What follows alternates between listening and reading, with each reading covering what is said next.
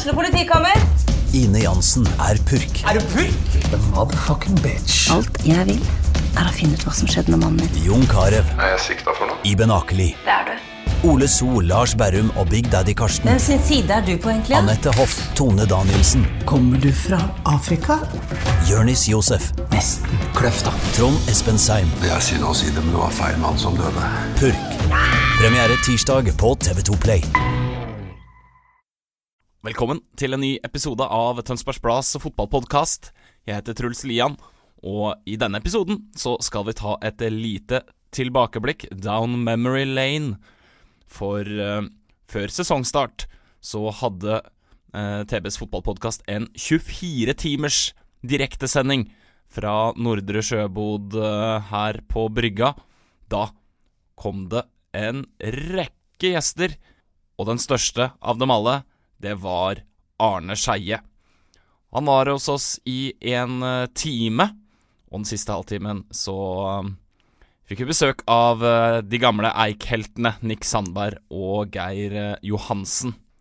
Dette kan jo kalles en bonusepisode, men det er i alle fall et gjenhør fra da Arne Skeie, Nick Sandberg og Geir Johansen var på besøk i vår direktesending i eh,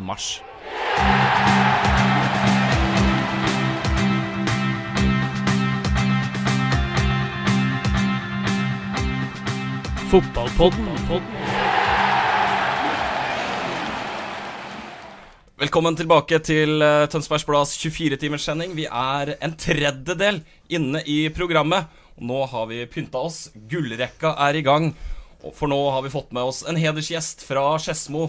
Arne Skeie, velkommen skal du være. Ja, tusen takk. Takk for å bli invitert på dette. Dette gleder jeg meg til og er veldig spent.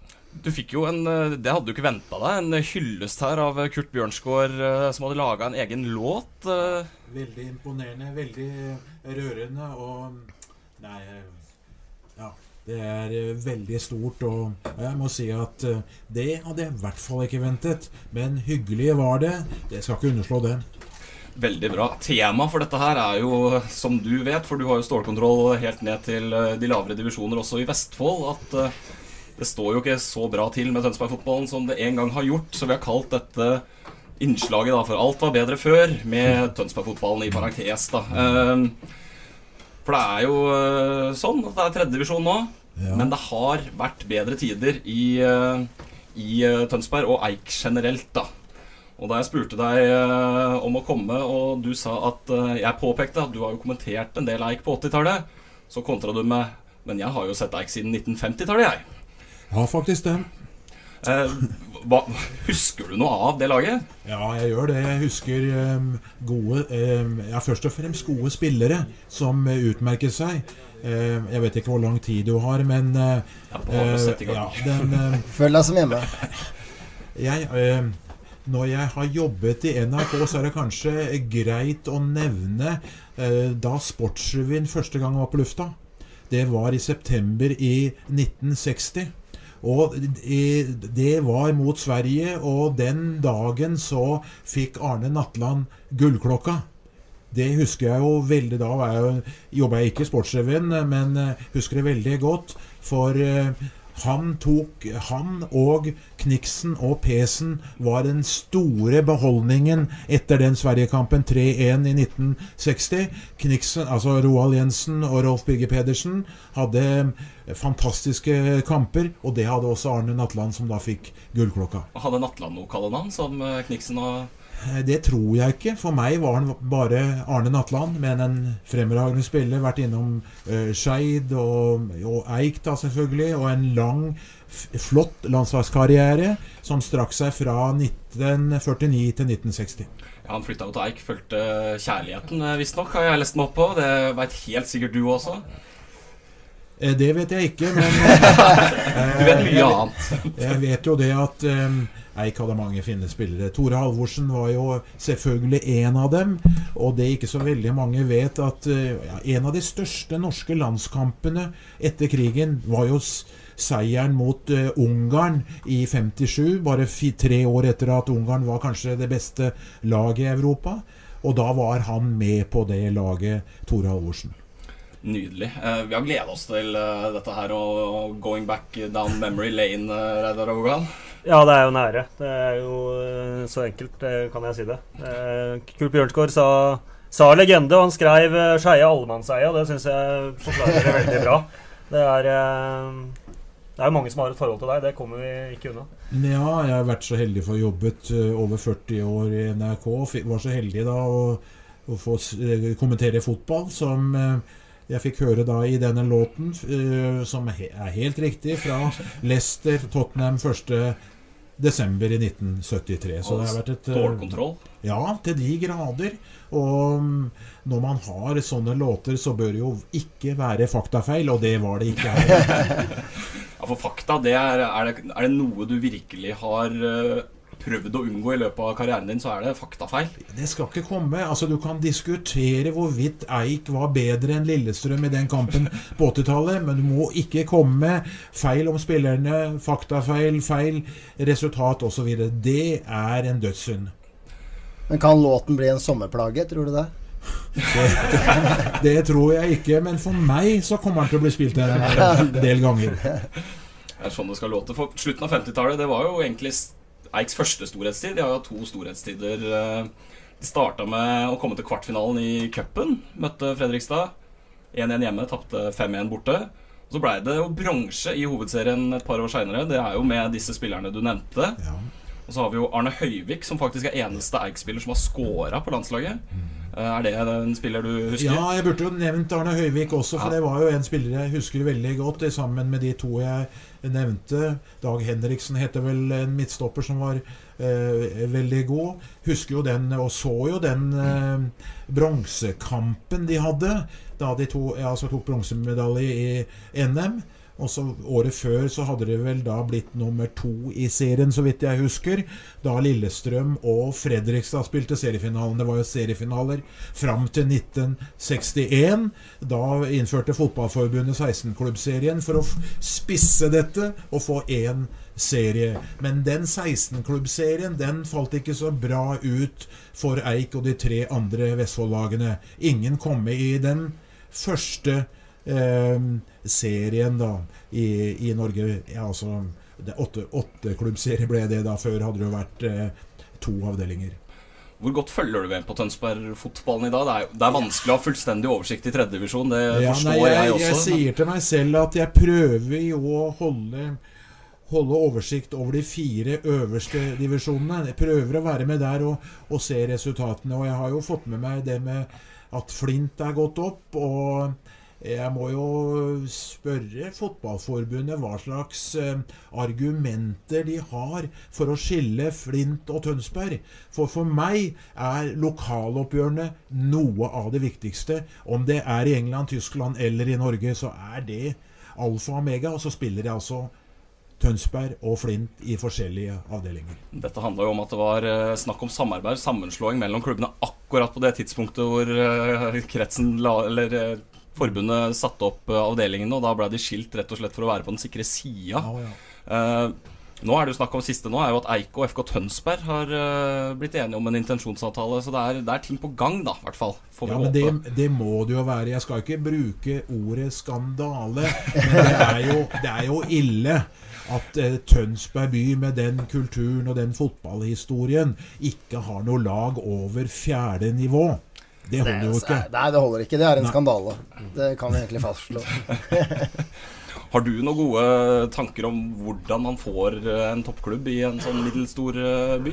Ja, jeg har jo de tankene at eh, det må jobbes godt. Det trengs gode eh, ledere, det trengs gode fotballspillere, det trengs rekruttering. Og hvorfor i all verden skulle ikke Tønsberg greie det, når Haugesund greier det, når eh, Kristiansund har greid det, når Notodden har greid det, Sarpsborg har greid det, osv., osv.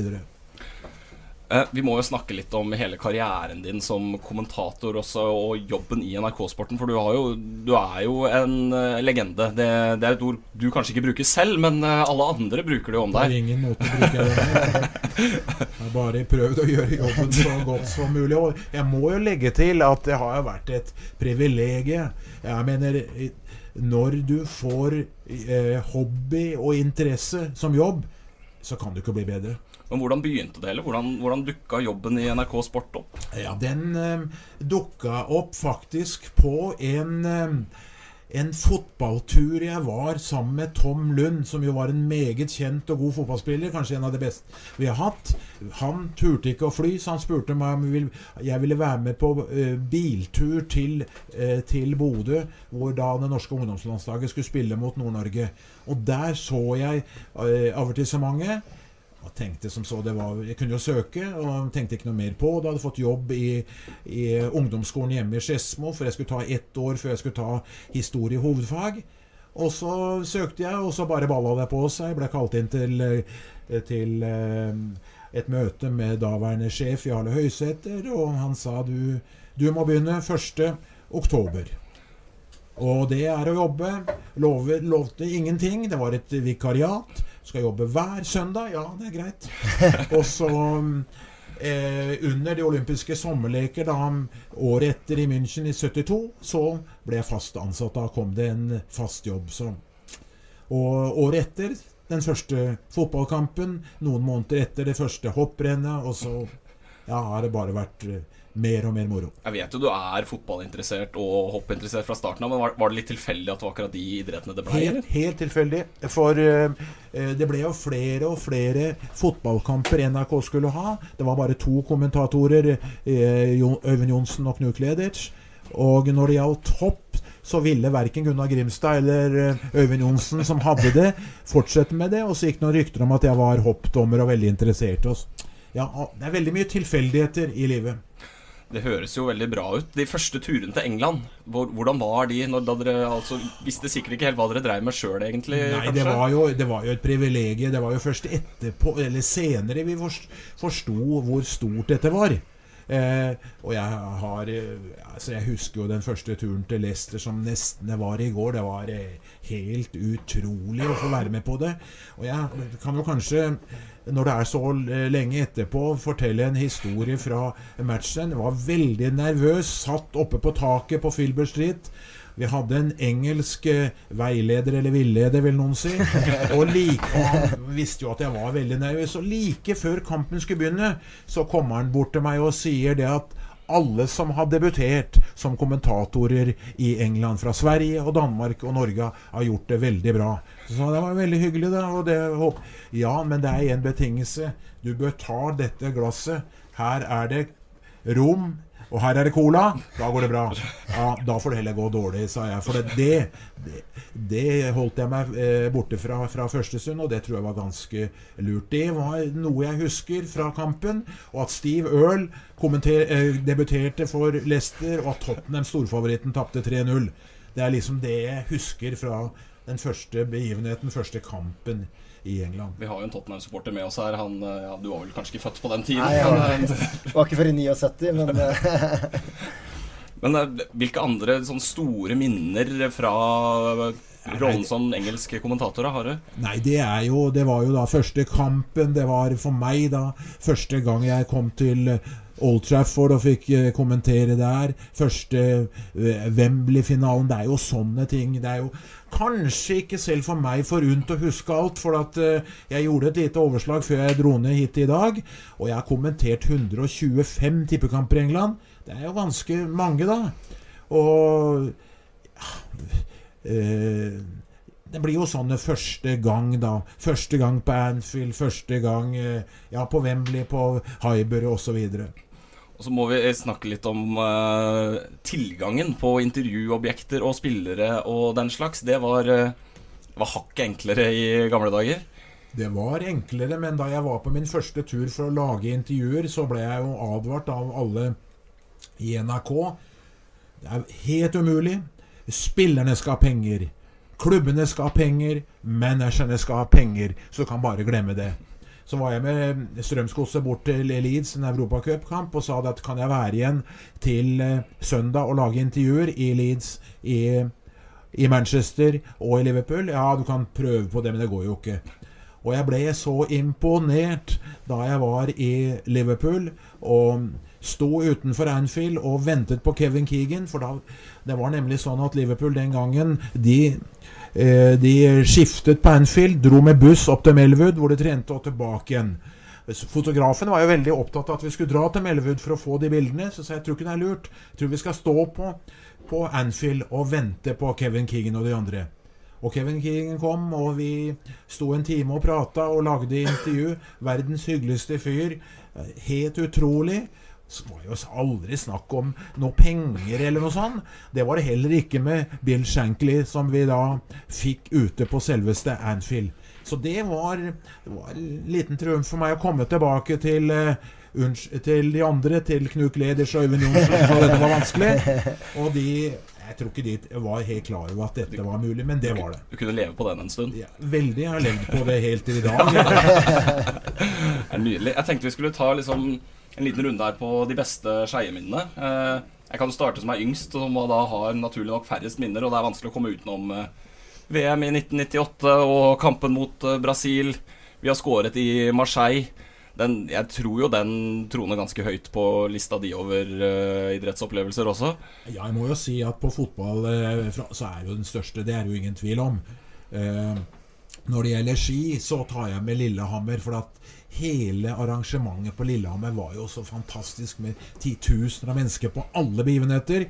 Så det er Marseille, og det er Lillehammer, men Marseille var jo også helt, helt på siden av alt mulig. For vi hadde jo da hatt to uavgjorte kamper, og det var jo bra. Så skulle vi opp mot Brasil, og selv på 0-1 så tenkte jeg, sa det vel ikke Det er ikke så gærent å tape 1-0 mot Brasil. Og så fikk du da den utviklingen på slutten. Nei.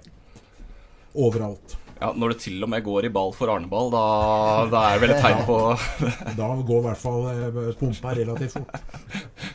Hva med deg, Jogan? Er det noen uh... Det er mer generelt, egentlig. For meg er det takket være deg og andre NRK til når klokka slår fire på lørdagen, så er det den helligste 1 timen og 45 minuttene i uka. Da er det tippekampen i hodet mitt. Og bare når jeg var hos farmor og farfar og var liten og på tekst-TV, da var det alltid NRK-sporten. Tippetipset Arne Skeie. Og det var jeg alltid inne og fulgte med på. Så Var det mange retter der? Nei. Ja, jeg fulgte deg noen ganger og supplerte litt. Jeg fikk eh, tippeekspertjobben i Tønsbergs Blad, så jeg må jo takke deg for at eh, jeg ble en habil tipper, da. Ja, det, var hyggelig, det, da. Eh, eh, skulle jo kanskje sagt noe mer om tippekampen. Det var jo helt, helt enormt, men eh, la oss høre eh, hva du har Ja, jeg har tre som skal må prøve å være kort og konsis her. Den ene skal jeg oppsummere med alle fotball-VM. Eh, Fotballmesterskapet og kalkadene til NRK. Jeg digger de og koser meg med de enda. Og både litt gøy å se hvordan mediene så ut i den tida. Og de kommentarene som kommer inn. Altså, det er den beskrivelsen av det målet til, andre målet til Maradona mot England. Altså den dribleserien med 'Har dere noensinne sett et vakrere, flottere mål?' Den, den, og jeg koser meg når Argentina slår England, så det, det gjorde nok ikke du. Men eh, målet var jo fint. Det er vi sikkert enige om. Eh, Den andre er litt sånn personlig, for det, du husker sikkert ikke det. For jeg regner med du får ganske mange sånne henvendelser. Men det var en kompis av oss som eh, Når han ble 30, så sendte jeg deg en mail, husker jeg, og spurte om vi kunne Han er kjempefan av deg. Og spurte deg om vi kunne få en uh, liten hilsen, videohilsen til han på bursdagen. Og så hørte jeg ikke noe mer. Jeg regner med at du er sikkert travel og ja, midt i hoppsesongen og alt mulig. Og så sto jeg på toget, skulle på ferie, og da ringte plutselig du. Du ringte meg opp igjen.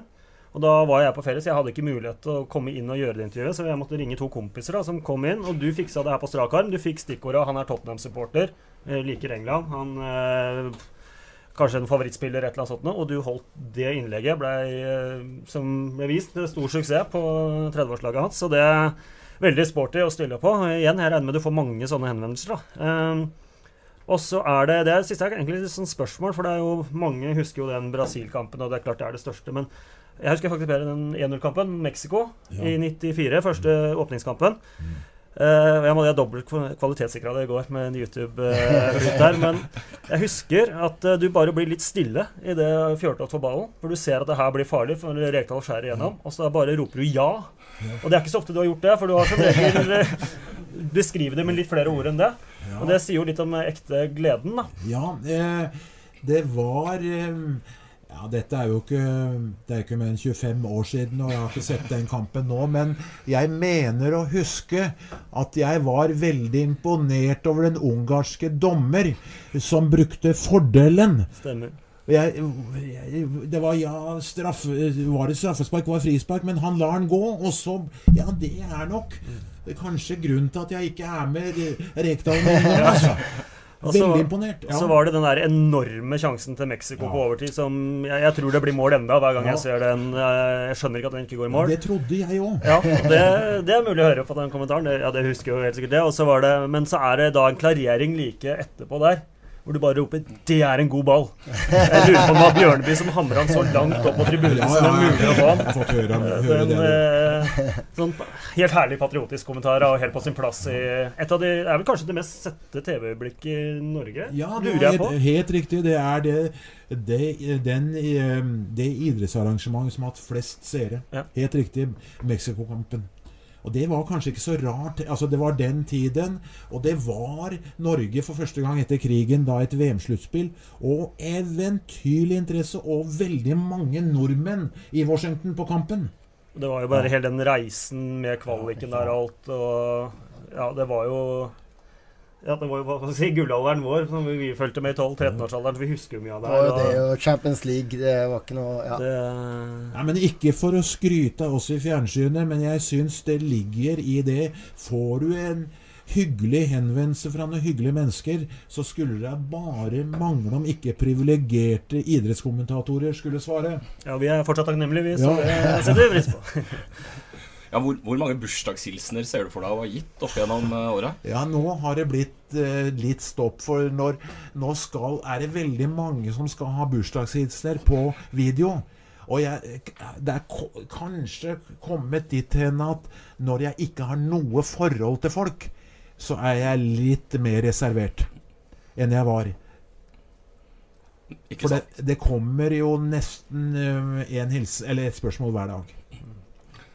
Du. Fortsatt. Ja. Eh, du kjenner kanskje til Reidar Lindqvist-navnet? Du Ja, er ja, såpass kjent i lokalfotballen at du vet det er en av de mestskårende gjennom tidene i norsk eh, fotball? Ja, Det vet jeg ikke. Men det er interessant å høre om. Nå får du snakke opp deg sjøl litt. Ja, ja, eh, nei, jeg, det, det er jo et minne, det. Jeg blei, du blei brukt som ekspert på en sak om en gang. Jeg hadde skåra åtte mål i en tredjevisjonskamp. Uh, Det husker jeg ikke, altså. Nei, det er noen år Mot siden. eh, Kjølling, var det det? Ja, stemmer det. Så det var vel en av de journalistene da, som lagde saken, som ringte deg og spurte om hvorvidt Nei, det her det var norgesrekord eller ikke. Eh, Jeg husker faktisk ikke helt eh, hva det sto, men eh, Og vet ikke om det er rekord heller, men jeg, det, var, bare, det var egentlig det største med hele bedriften, var at du uttalte deg om det. det er jo noen år siden du blei pensjonist, men og hvor mye fotball er det du får med deg? Altså, hvor, mye, hvor stor del av livet ditt har fotballen i dag, da? Ja, veldig stor del. Og kanskje på en måte større på Fordi at da jeg jobbet i NRK Det veldig Det var et, som jeg har sagt mange ganger da, et privilegium. Men nå får jeg jo fulgt mye mer med. For at uh, om jeg ikke jobbet hver søndag, så var det jo på noe hver søndag. Du var på jobb. Du gikk glipp av så mye. Ja. Ja, en, du gjør det. I dag kan du jo være med på absolutt alt. Og i dag er det jo en helt annen dekning. Du kan gå inn hvor som helst. Så jeg føler på mange måter at jeg er be, i den ga, i gåsøen, da, bedre orientert enn da jeg jobbet med dette på heltid. Det Men jeg, jeg sier at jeg prøver å følge med på alle tabeller og resultater i de fire øverste. Det gjør jeg. Det er jo noen divisjoner eller avdelinger, det, da. Må, Du er heldig etter at tredjedivisjon er spissa, så er det bare Ja. halvparten så mange du trenger å forholde Ja, deg til. den er, den er spissa. Nå hadde det selvfølgelig noe med dette noe å gjøre med det at eh, i noen år så var mitt lag, da, Skedsmo, med i tredjedivisjon, og det gjorde, gjorde det ekstra interessant. Ikke sant. Um, hvor tenker du at Tønsberg-fotballen, som jo er et stykke unna i dag, hvor, hvor hører de til i divisjonssystemet? Altså jeg, jeg, jeg tenkte på det når jeg fikk den henvendelsen, at de bør jo i hvert fall være på annet nivå. Altså eh, 16 lag over da i, i, i toppen, så må de være blant de neste. De bør jo være blant de 30 beste lagene i Norge. Med den eh, ærerike historien og den interessen som er her. Vi kan vel si oss enig i ja, Det er Definitivt. helt klart. Vi er sultefòra, altså. Ja. Vi trenger en opptur. I høyeste grad. Vi skal jo få inn FK Tønsberg skal jo komme inn her i studio etter at vi er ferdig her, så da får vi liksom eh, få høre litt hvordan man skal tilbake til eh, toppen igjen. Men eh, jeg tenkte å også snakke litt Vi må litt til 1980-tallet, helt på slutten. Ja. Da både Nick og Geir, som kommer seinere, ikke var med lenger. Semifinale i cupen. Tapte mot Molde.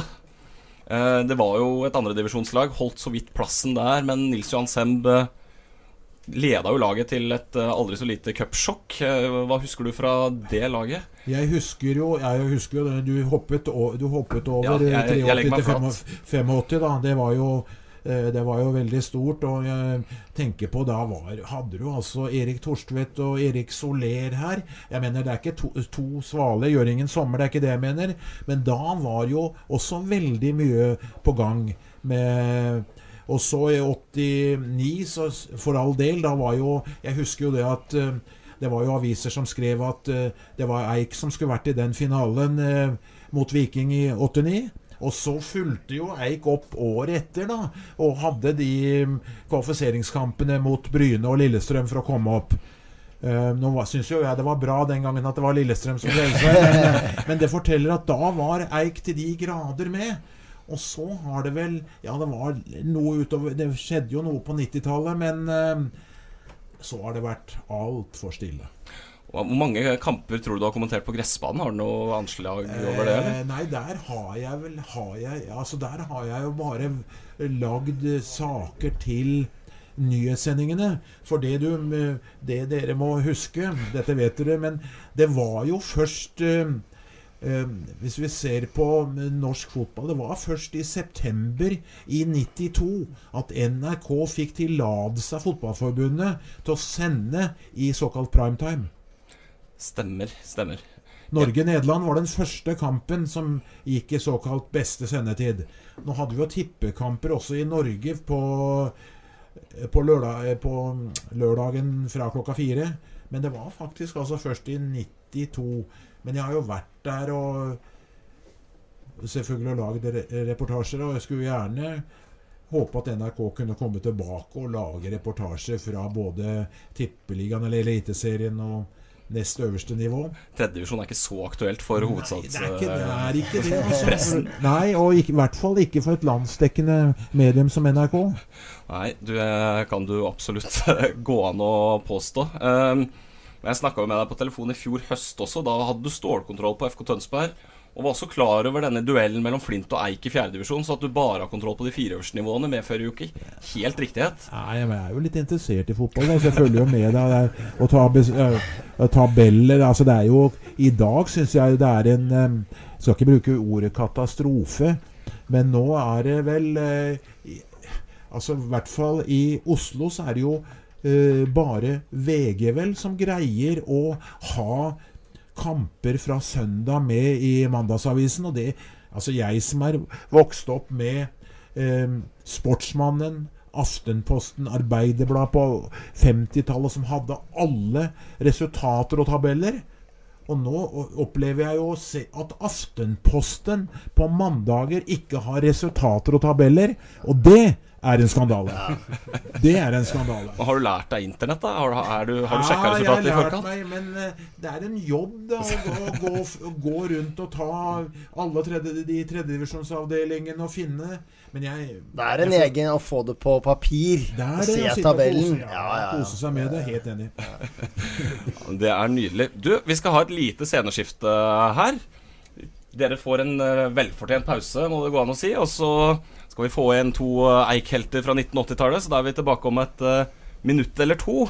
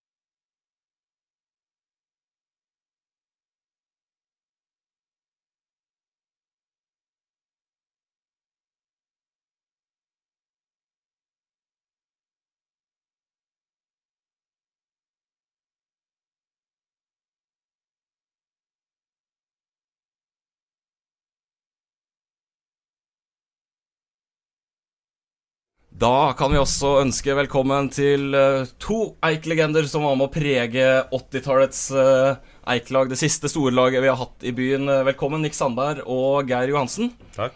Takk, takk. Uh, vi, jeg tenkte å begynne med, siden Skeie er her som United-fan, og det kan ha en viss sammenheng med at jeg også er det, så i 1981 så kom jo Manchester United til Eikbanen.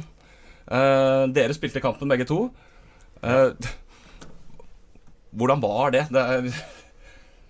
Nei, det var jo egentlig litt, litt uvirkelig egentlig at uh, de skulle komme og spille mot oss. Det var liksom sånn, tenkte jeg. det. Vi hadde ikke noe tro på det, men det blei jo sånn. Og det var jo veldig morsomt å spille mot de såkalt engelske heltene. Selv om ikke jeg er Jeg er jo City-fan, bare for å nevne det. Men det var helt stort for oss å få dem på gressbanen. Var du på plass på Eikbanen, eller? Nei, det var jeg ikke. Um, det var jo en begivenhet, men på, eh, fra, ja, fra begynnelsen på 70-tallet og utover så var det jo sånn at de engelske lagene kom ofte da 17. mai etter sesongen til Norge og spilte. Det hadde vært en eh, mye større sensasjon i 2019 om et engelsk lag hadde kommet. I hvert fall for å møte Eik. Det kan vi være enige om. Ja. Nå, men hvis Eik hadde stilt pengene til disposisjon, så tror jeg de hadde kommet. Men det er, jo, det er jo penger som stopper det meste i dag. Hvem var den tøffeste å spille mot, eh, Nick? Det husker jeg faktisk ikke. Det, jeg, jeg, husker bare én ting. Det er at jeg mista en åpenbar stor sjanse. Og det har irritert meg siden. Uh, for det, det ville jo nesten blitt uh, historisk, ja, holdt jeg på å si. historisk. Så det er det jeg husker best. Uh, men men dette var jo en periode hvor vi liksom ikke hadde slått gjennom ordentlig ennå. Det var i 81. Vi var i første året i andredivisjon, vel. Så, eller det som var andredivisjon den gangen. Og det var jo noe med hele den perioden vi, vi gikk fra fjerde til førstedivisjon som det het den gangen. Uh, og vi var liksom ikke forberedt på noe som helst, egentlig. For det, det, det skjedde litt sånn by accident. At det mm. var en god del spillere som kom sammen på samme tid. Og så, så hadde vi en fantastisk trener som, uh, som var langt forut for, for, sin tid i forhold til måten å spille på. Uh, som gjorde at dette gikk fort oppover. Og vi, ja, vi Jeg tror ikke vi skjønte sjøl at vi var såpass gode som vi var, da. Nei, vi gjorde ikke det. Og det er jo sant. Vi hadde vel, vi gikk vel direkte Vi hadde vel to år i divisjon. Så gikk vi direkte opp. Ja. Og, og, tre store år eh, var det 83, 84, 85. Og så vidt jeg husker, så var det jo nesten i teten første året. Var det ikke endte på femteplass? Femteplass, ja. Mm. Og, og um, da, da, var det uh, moro. Da var det jo periode der uh, med, ja, det, på den tiden da, så var det jo både Soler der og, og uh, Erik Torstvedt var der. Og, ja da, vi hadde jo ja, Så det var ja, det var mye bra spillere. Ja, ja, ja. Hvorfor stoppet opp? Det har jeg lurt på. Jeg mener, når det var så godt i gang. Vi gjorde en generaltabbe, og, og jeg kan si det, for jeg var eh, dessverre sterkt bidragsyter til det. så her kommer alle kortene på bordet. Uh, nei, uh, det, er, det, er, en historie bak det, selvfølgelig. Men Bolla var kaptein, og jeg var tillitsmann, så vi hadde litt for mye makt. Uh, men det var, det var, sånn at vi Jeg hadde jo hatt Jan Erik Jørgensen som trener også i TK før jeg gikk til Eik. Ja. Og vi trodde helt feilaktig uh, at hvis vi skulle komme noe videre nå, så måtte vi ha noe utafra som liksom kunne ta oss det steget videre. Uh, så var det, og det ble ikke offentlig kjent, uh, men det er vel ikke så farlig å si det nå. det var vel sånn at Tom Lund hadde sagt ja litt sånn bak kulissene på Trena Eik. Og da ga de beskjed om det til, til Jan Erik. Og så, sa, så ble det ikke noe med Tom Lund allikevel. Eh, og da ble det en litt sånn kriseløsning med en polakk. Eh, ikke noe gærent med polakker, men, eh, men han mista garderoben ganske tidlig. Og, og, fotball er veldig små marginer eh, når du først begynner å mot, få motgang. Og, og, og, eh, så snur ting fort, altså. Og mm. Vi har et eksempel på det i England. Så det er ikke lenger enn dit. Der er, det, der er det mange eksempler på det. Vi må tilbake til uh, selve opprykksfinalen da, i 1982 uh, mot Steinkjer. Det hadde vel holdt med uavgjort, hvis jeg husker riktig, men eh, Eik vant 2-1. Og dere skåra jo hvert deres mål, så det er jo veldig passende å ha dere begge her i studio. Uh, Geir, du skåra på straffe. Ja. Og så la Nick på til 2-0 seinere, og så kom en redusering, da. Uh, og Skeie, du, du var jo den som hadde stemmen på Sporten på kvelden. Hvor du da forklarer om straffa til Geir at han skifter bein underveis i tilløpet. Det husker jeg ikke, men uh, han, gjorde du det? Nei, ikke akkurat. Men du hadde, du hadde en egen Ja, det tok straffeteknikk. en bare en liten vri. Ja. Ja, så Han starta altså lata som han skulle slå med høyrebeinet, og så la om sånn at det blei venstre til slutt. Han ble jo kjent for bollafinta, men han hadde faktisk en finte i straffetilløpet. Og det er ikke så mange som har. Det var det jeg forklarte på en dårlig måte. Nei, det jeg husker, Geir, men nå må du jo da eh, da må du ikke være redd for å ta meg for det. Jeg husker du var, hadde en finte inne i feltet som gjorde at du fikk noen straffespark. Ja, ganske mange. Men, men spørsmålet var helt til han var i straffe. Ja. Det var klare straff. Ja, Det var før filmingas tid, det. det. Ja. Før var. Før var, ja. Noen fordeler må man ha. Ja. Og da fikk jo også Eik endelig revansje mot Fredrikstad. Etter å ha tapt mot de flere ganger på 1950-tallet, så var jo Fredrikstad det laget som rykka ned til andredivisjon på bekostning av eh, Eik. Um, og så gikk det jo ikke så bra som vi har påpekt, eh, vært litt inne på. Men hva, hva er det som står igjen som de sterkeste minnene fra det storlaget? Vi kaller det storlag i Tønsberg målestokk. Ja, er det i ja, høyeste grad et storlag? Ja, det var jo det. det oppi Det var jo det, men det er jo det er noen kamper Vålerenga hjemme er jo litt spesiell. De har, hadde spilt fem kamper, tror jeg hadde 10-0 i målforskjell, og kom på gressbanen og med klan og gøy på land, og det var jo helt strålende. Så de var jo storfavoritter, og, og vi slo dem 2-0, og tribunen ramla sammen på gressbanen, og folk rikka seg omtrent ikke, de satt. Så det, så det var et av de store Så hadde vi- øyeblikkene sånn sett. Hadde vi 5-2 på Rosenborg med Nils Arne som trener. Ja. Det også husker vi godt. Mm. Ja, Når jeg hører dette, så skal jeg ikke si det er eh, skandale, men det er jo veldig trist da at Tønsberg i dag er på fjerde nivå. Ja, det er jo helt tragisk, Ja, som du det sier. er, altså, det er det. Mm. Så, altså, en så stor by med den kulturen og historien og alt, og så ikke er med. Er jo ikke med når du er i tredjedivisjon. Nei, det er ikke det. Men nå er det jo tent et nytt håp, da, Nick. Eh, du og Morten Kile og Ronny Johnsen, det er jo kjente fotballnavn. Det kan Skeie bekrefte. Ja, Hvis ikke dere, dere greier det, så hvem skulle greie det? Nei, det er hyggelig at du sier det. Eh, Det er klart at det eh, Vi tror at det fins gode muligheter for det. Ja. Dette er selvfølgelig ikke noe enkelt, og vi er avhengig av mange andre enn oss tre. Men, men det vi kan bidra med, er på en måte å, å, å skape litt ny, ny tro og giv. Eh, fordi at eh, FK Tønsberg var veldig nærme, de. Og hadde de lykkes, så hadde liksom det vært en kjempesuksess. Men igjen så er det små marginer i fotball. Og, og nå trengs det ny energi inn i det prosjektet. Og det tror jeg at Ronny og Morten og jeg kan bidra til. Både med en god del ideer, men også eh, ikke minst med Ronny, med, med, som eh, ved siden av Ole Gunnar er, eh, er eh, si den store i norsk fotball, egentlig. Eh, Så eh, som døråpner, som, som å bruke vårt kontaktnett på alle mulige måter, det er jo det vi ønsker å bidra med. Og dette er jo en prosess dere, Vi har jo hatt flere som har ment uh, ting om det tidligere i dag. Og det, er- dere får jo ros for å være tidlig ute med tanke på sesongen. At dere gjør dette her på vårparten i stedet for på høsten, og ikke rekke noe før, uh, før uh, en ny sesong er i gang. da Ja, i hvert fall Det er helt nødvendig. Eh, For det, det begynner med en veldig bred forankring. Det er der hele jobben begynner. Vi må jobbe stein på stein for å skape tru på prosjektet. Eh, har plan, Vi har en plan på hvordan vi skal gjøre det, og, og det tror jeg kan love at eh, Dere kommer i hvert fall til å merke det. Om ikke det, det går opp, så skal vi merke at vi holder på med et eller annet.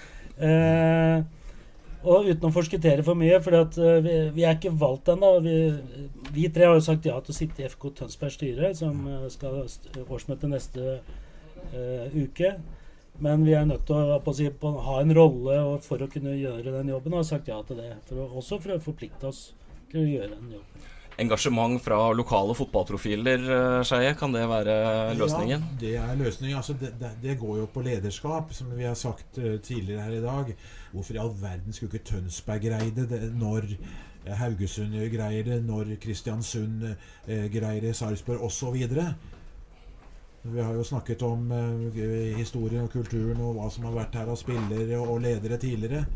Så Og jeg er helt enig, men vi, vi må Og det er det uh, vi har tro på. Vi må, nå er det siste sjanse til å på en måte bruke vår generasjon til å gjøre en jobb, for vi har snart glemt, vi òg. Så, så det, jeg tenkte at nå, nå må vi ta et tak før det er for seint, mens det er noen få husker oss i hvert fall. Ja, Det er litt som Arne sier òg. Det er liksom, det er jo greit, Du kan slå sammen klubber, én, to og tre klubber og alt, men det er jo for eksempel dyktige ledere, og så må du jo ha dyktige fotballspillere. Så det er klart at hvis det er 50 dårlige fotballspillere og du slår sammen to klubber, så blir det ikke noe bedre pga. det.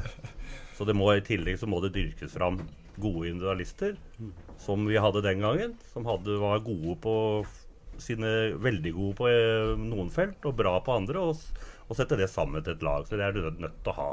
Du som er uh, Eik-mann på din hals, uh, hvordan ser du på det å slå sammen Eik og FK Tønsberg, som jo uh, ja, Det er jo delte meninger om ja, den klubben i utgangspunktet. Ja, men, men Tom Eikmann, så, man må jo se realiteten i øynene. At det er liksom sånn om at Eik eller Flint eller FK eller Slå sammen klubber. Det er en, to klubber, kanskje går tre klubber vanskeligere, men det må jo gjøres noe. Så vi kan godt kritisere og dividere, men jeg tror ikke det blir noe som Nick sier, og det blir noe giv. Og, og, allerede nå så har det sikkert gitt en giv til begge klubbene, begge spillerne. Laga som spiller. Så det kan bli en positiv før det skjer til neste år. Nå har jeg lyst til å tillegge at, at uh, selv om det nå er snakk om å slå sammen Eik og FK Tønsberg, så ønsker vi å involvere alle klubber i distriktet. Det er klart at nå som Flint er på samme nivå, så, så har de et behov for å også og det har jeg veldig stor forståelse for, men vår dør kommer til å være åpen for å samarbeide også dit. Så får vi jo, Nå tror jeg det bare blir positivt for interessen i år at du har tre, to stykker på det nivået. Så, så skaper det ytterligere interesse. Så det, det, spiller ingen rolle. Men så vil det på et eller annet tidspunkt, så er det en av oss som lykkes. Og vi håper jo selvfølgelig det oss. Eh, så, så, så vil Det var det samme, faktisk, eh, når, når vi begynte i 1979. Så var både Eik og TK i fjerdedivisjon. Uh, Eik gikk opp, TK spilte kvalik, jeg spilte sjøl der. Uh, og da gikk jeg over til Eik. Og sånn blir det litt. Mm. Uh, vi må snakke om også Santiago Bernabeu, uh, Geir. det er jo etter Eik, eller i hva, hva skal man kalle den tida i Moss? Nei, det var jo morsomt. Jeg kom jo selvfølgelig et år for seint der, og da Moss var jo blitt seriemester i 87. Jeg kom i 88, så, så, det var jo greit. Men jeg fikk jo med meg serievinnercupen, eller Champions League serievinnercupen, som det het den gangen. da. Og vi trakk jo Real Madrid i første runde, så det var jo å spille der nede, det var jo helt var fantastisk. fantastisk. Ja, det var helt fantastisk. Ja.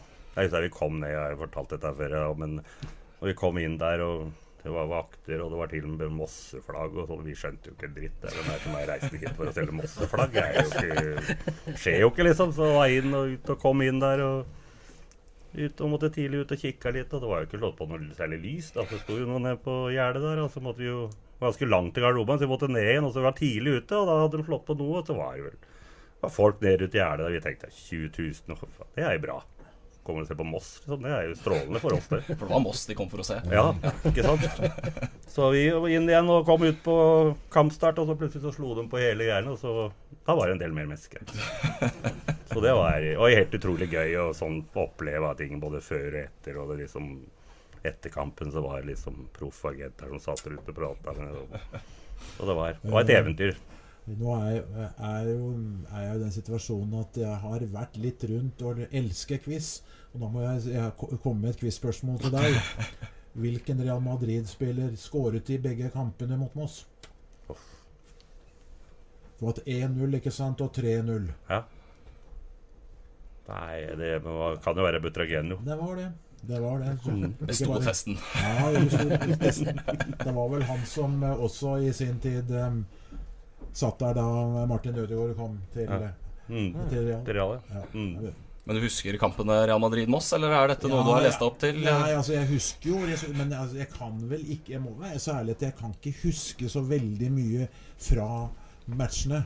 Jeg husker jo resultatet, men eh, det har jo blitt noen kamper etter hvert. Ja, vi kunne faktisk leda i Real Madrid, for eh, han Jan Fjærestad var leid gjennom to år. En gang var stolpen, så jeg tror ikke vi hadde vunnet, men eh, Men du blei jo faktisk hylla på Santiago Bernabeu. Ja, det var jo en episode som var litt sånn spesielt, Altså. Men han Ja, Schuster. Schuster gadd jo ikke å løpe så mye, så han peip dem vel på stort sett, og så fikk jeg en tunnel på den i tillegg. Da var det jo så da ja, Han var ikke så veldig interessert. Det høres lett ut når du forteller det sånn. Ja, det var vel ikke lett, men uh, han, han var ikke Ja.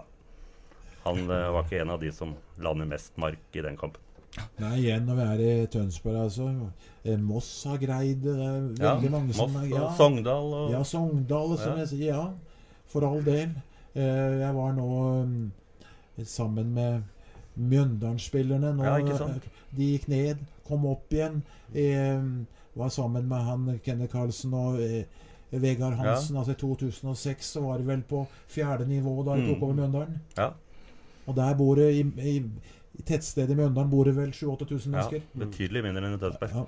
Det er litt sånn det er eh, Det er mulig, da. Det viser jo at eh, alt eh, går an, og Tønsberg har bedre forutsetninger. Ja, så tror jeg liksom at du for, Som en klubb, da, da, uansett om det er en klubb du slår sammen i En klubb kan, hvis du spiller og spiller og spiller i samme divisjon Du må gå opp for å ha produksjon og for at spillerne også skal bli bedre. Du kan ikke spille i samme divisjon hvert eneste år, for da vil det aldri skje noe. Nei, også interessen rundt. Ja, da, interessen rundt, supporter selvfølgelig. og media og Ja. hele pakka. Ja, for dere, dere har jo ikke lansert dette prosjektet her for å ta FK Tønsberg til andredivisjon. Det, er- det er et ambisiøst prosjekt uh, dere har. Ja, ja, absolutt. Det er, det er Eliteserien som er målet. Ja. Noe annet gjelder ikke. Nei. Uh, nei. Og så stiller jeg spørsmål hvorfor i all verden skulle ikke dere greie det? Nei, eh, altså det, det, Jeg skjønner heller ikke det, for så hadde jeg ikke sittet her. Men nei, det er klart at, at eh, Jeg er kjempeoptimist, men det er klart at det er mange ting, og det har skjedd mye siden vi var der. Og dette handler jo mye om økonomi etter hvert. Uh, men uh, jeg tror at det grunnlaget er der, og så må vi bare være litt flinkere enn alle andre, tenker jeg. Uh, være litt innovative i måten vi tenker på. Og, og min, min analyse, da, for å si det sånn, hvorfor det kanskje har vært litt vanskelig i Tønsberg, og det er at vi har mangla en sånn type hjørnesteinsbedrift som Sogndal har i saftfabrikken der oppe. Du har Komplett og Jotun i Sandefjord. Altså, vi har hatt noen veldig eh, bra sponsorer, men det er på et helt annet nivå enn de kan gå inn på. da. Så, så eh, det, er- det, det, Tønsberg er verdens mest fantastiske by. eh, og det er nesten den grunnen til at jeg gjør dette. fordi jeg mener at Tønsberg skal eh, ha en by, et lag i toppdivisjonen. Også på helt av sånn omdømmeårsaker. Eh, et fotballag er det som skaper mest oppmerksomhet av alt, egentlig. Jeg skjønner du ikke kan gå i detaljer om hva dere eh, holder på med, men altså, hvor langt har dere kommet i prosessen? Ja, det er nesten vanskelig å svare på det uten å si Nei, altså eh, Foreløpig så, så driver vi jo med planer eh, og kartlegging. Det er det vi gjør nå. Men, men vi har klare formeninger om hvilken retning vi skal gå. Og jeg mener vi har veldig spennende planer. Eh, og igjen, jeg tror vi uh, har en, uh, noen prosjekter, vil jeg kalle det, som som kanskje ikke så mange andre klubber tenker på. Så bra. Blir det, blir det topps eliteserie på FK Tønsberg i løpet av fem til sju år? Jeg, jeg, jeg syns ikke vi kan ha for lang horisont. Jeg tenker 2025 må være en helt realistisk målsetning. Eh, Det er ikke meningen å ta noe av prestasjonen fra dere fra 1980-tallet, altså, men eh, det, er det, var det enklere da å være en kompisgjeng som kunne ta steget opp, enn i dag når eh, økonomi og penger eh, styrer Ja, fotballen på en helt annen måte? har jo, vi tjente jo ikke noe penger, vi heller. Vi jobba jo fullt og trena jo på kveldstid. Så det er ikke noe Nei, det er rett og slett eh, Du må Og det er liksom noe som ligger i fotballen generelt, at du må på en måte Du må hate å tape, både på trening og i kamp. Og på treninga som vi ser, og jeg har sett noen treninger de senere åra, som de hadde ikke fungert De hadde blitt drept på treninga vår. Ja, det er det de altså- spillere. Ja, det er helt reelt. Fordi de hadde blitt så forbanna at du, når du spiller med to små lag og du taper 5-0 Det gjorde aldri noen av de lagene når vi spilte. Og vi hata å tape. Jeg tror det som er viktig, er at vi, vi må finne vår modell. Eh, jeg kjenner ikke den i detalj, men Sarpsborg har funnet en veldig god modell, sier de, ut ifra sine forutsetninger. Vi kan ikke bli et nytt Rosenborg, et nytt Vålerenga eller et nytt Brann, for de har helt andre rammebetingelser og forutsetninger i banen. Og vi må, vi må styre etter det som er mulig å få til for oss.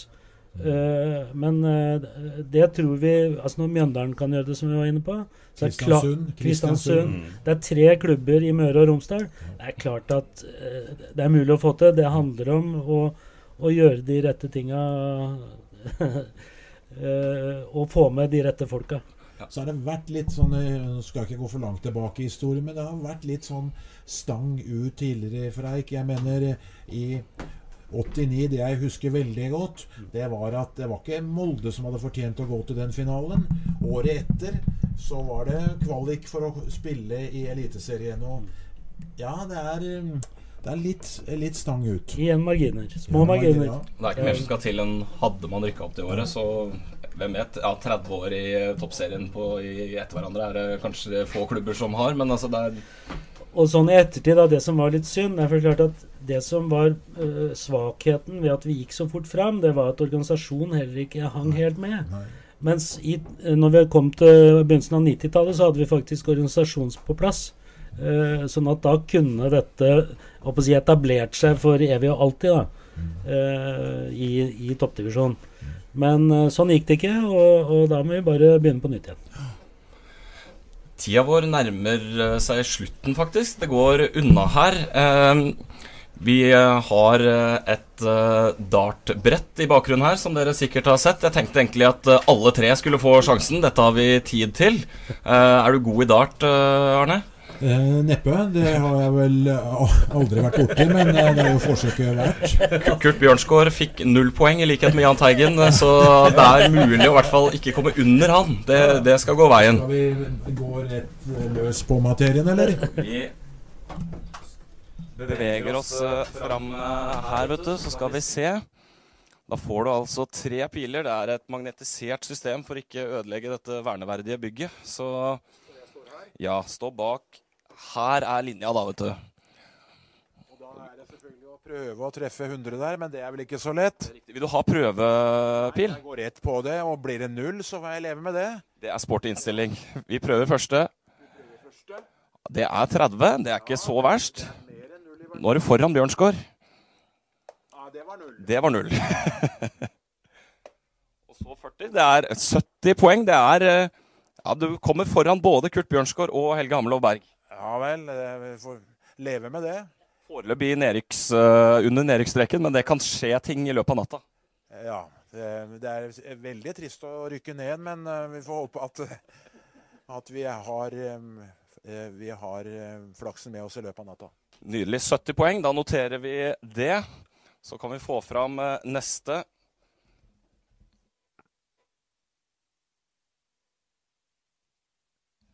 Da har vi deg, Geir. Det Prøvepil, er det interessant for deg, eller?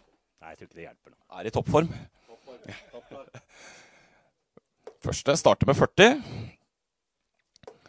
Så er den eh, Ja, den er på 40 den nå, faktisk. 80 etter 3, og så 50. Det blir 130. Det er eh, Ja, det er på nedre halvdel, det også.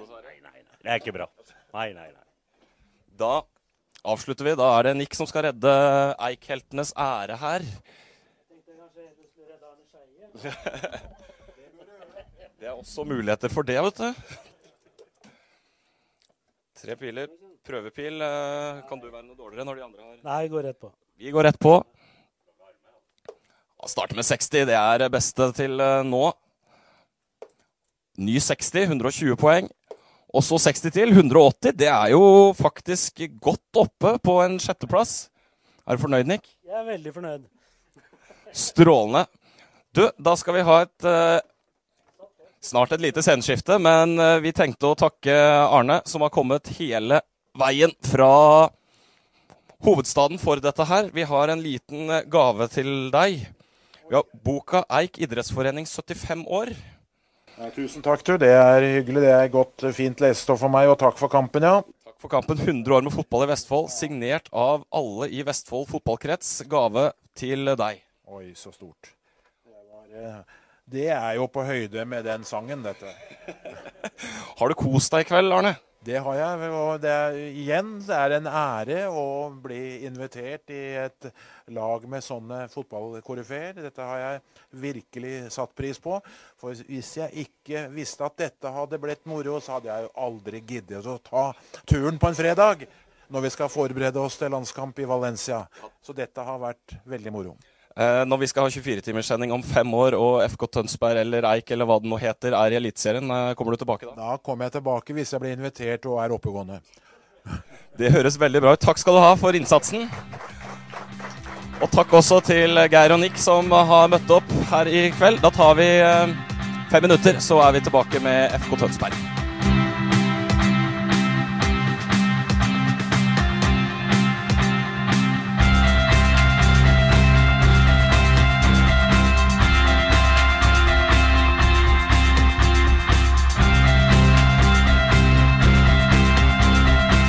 Har du et enkeltpersonforetak eller en liten bedrift? Da er du sikkert lei av å høre meg snakke om hvor enkelt det er med kvitteringer og bilag i fiken, så vi eh, gir oss her, vi. Fordi vi liker enkelt. Fiken superenkelt regnskap.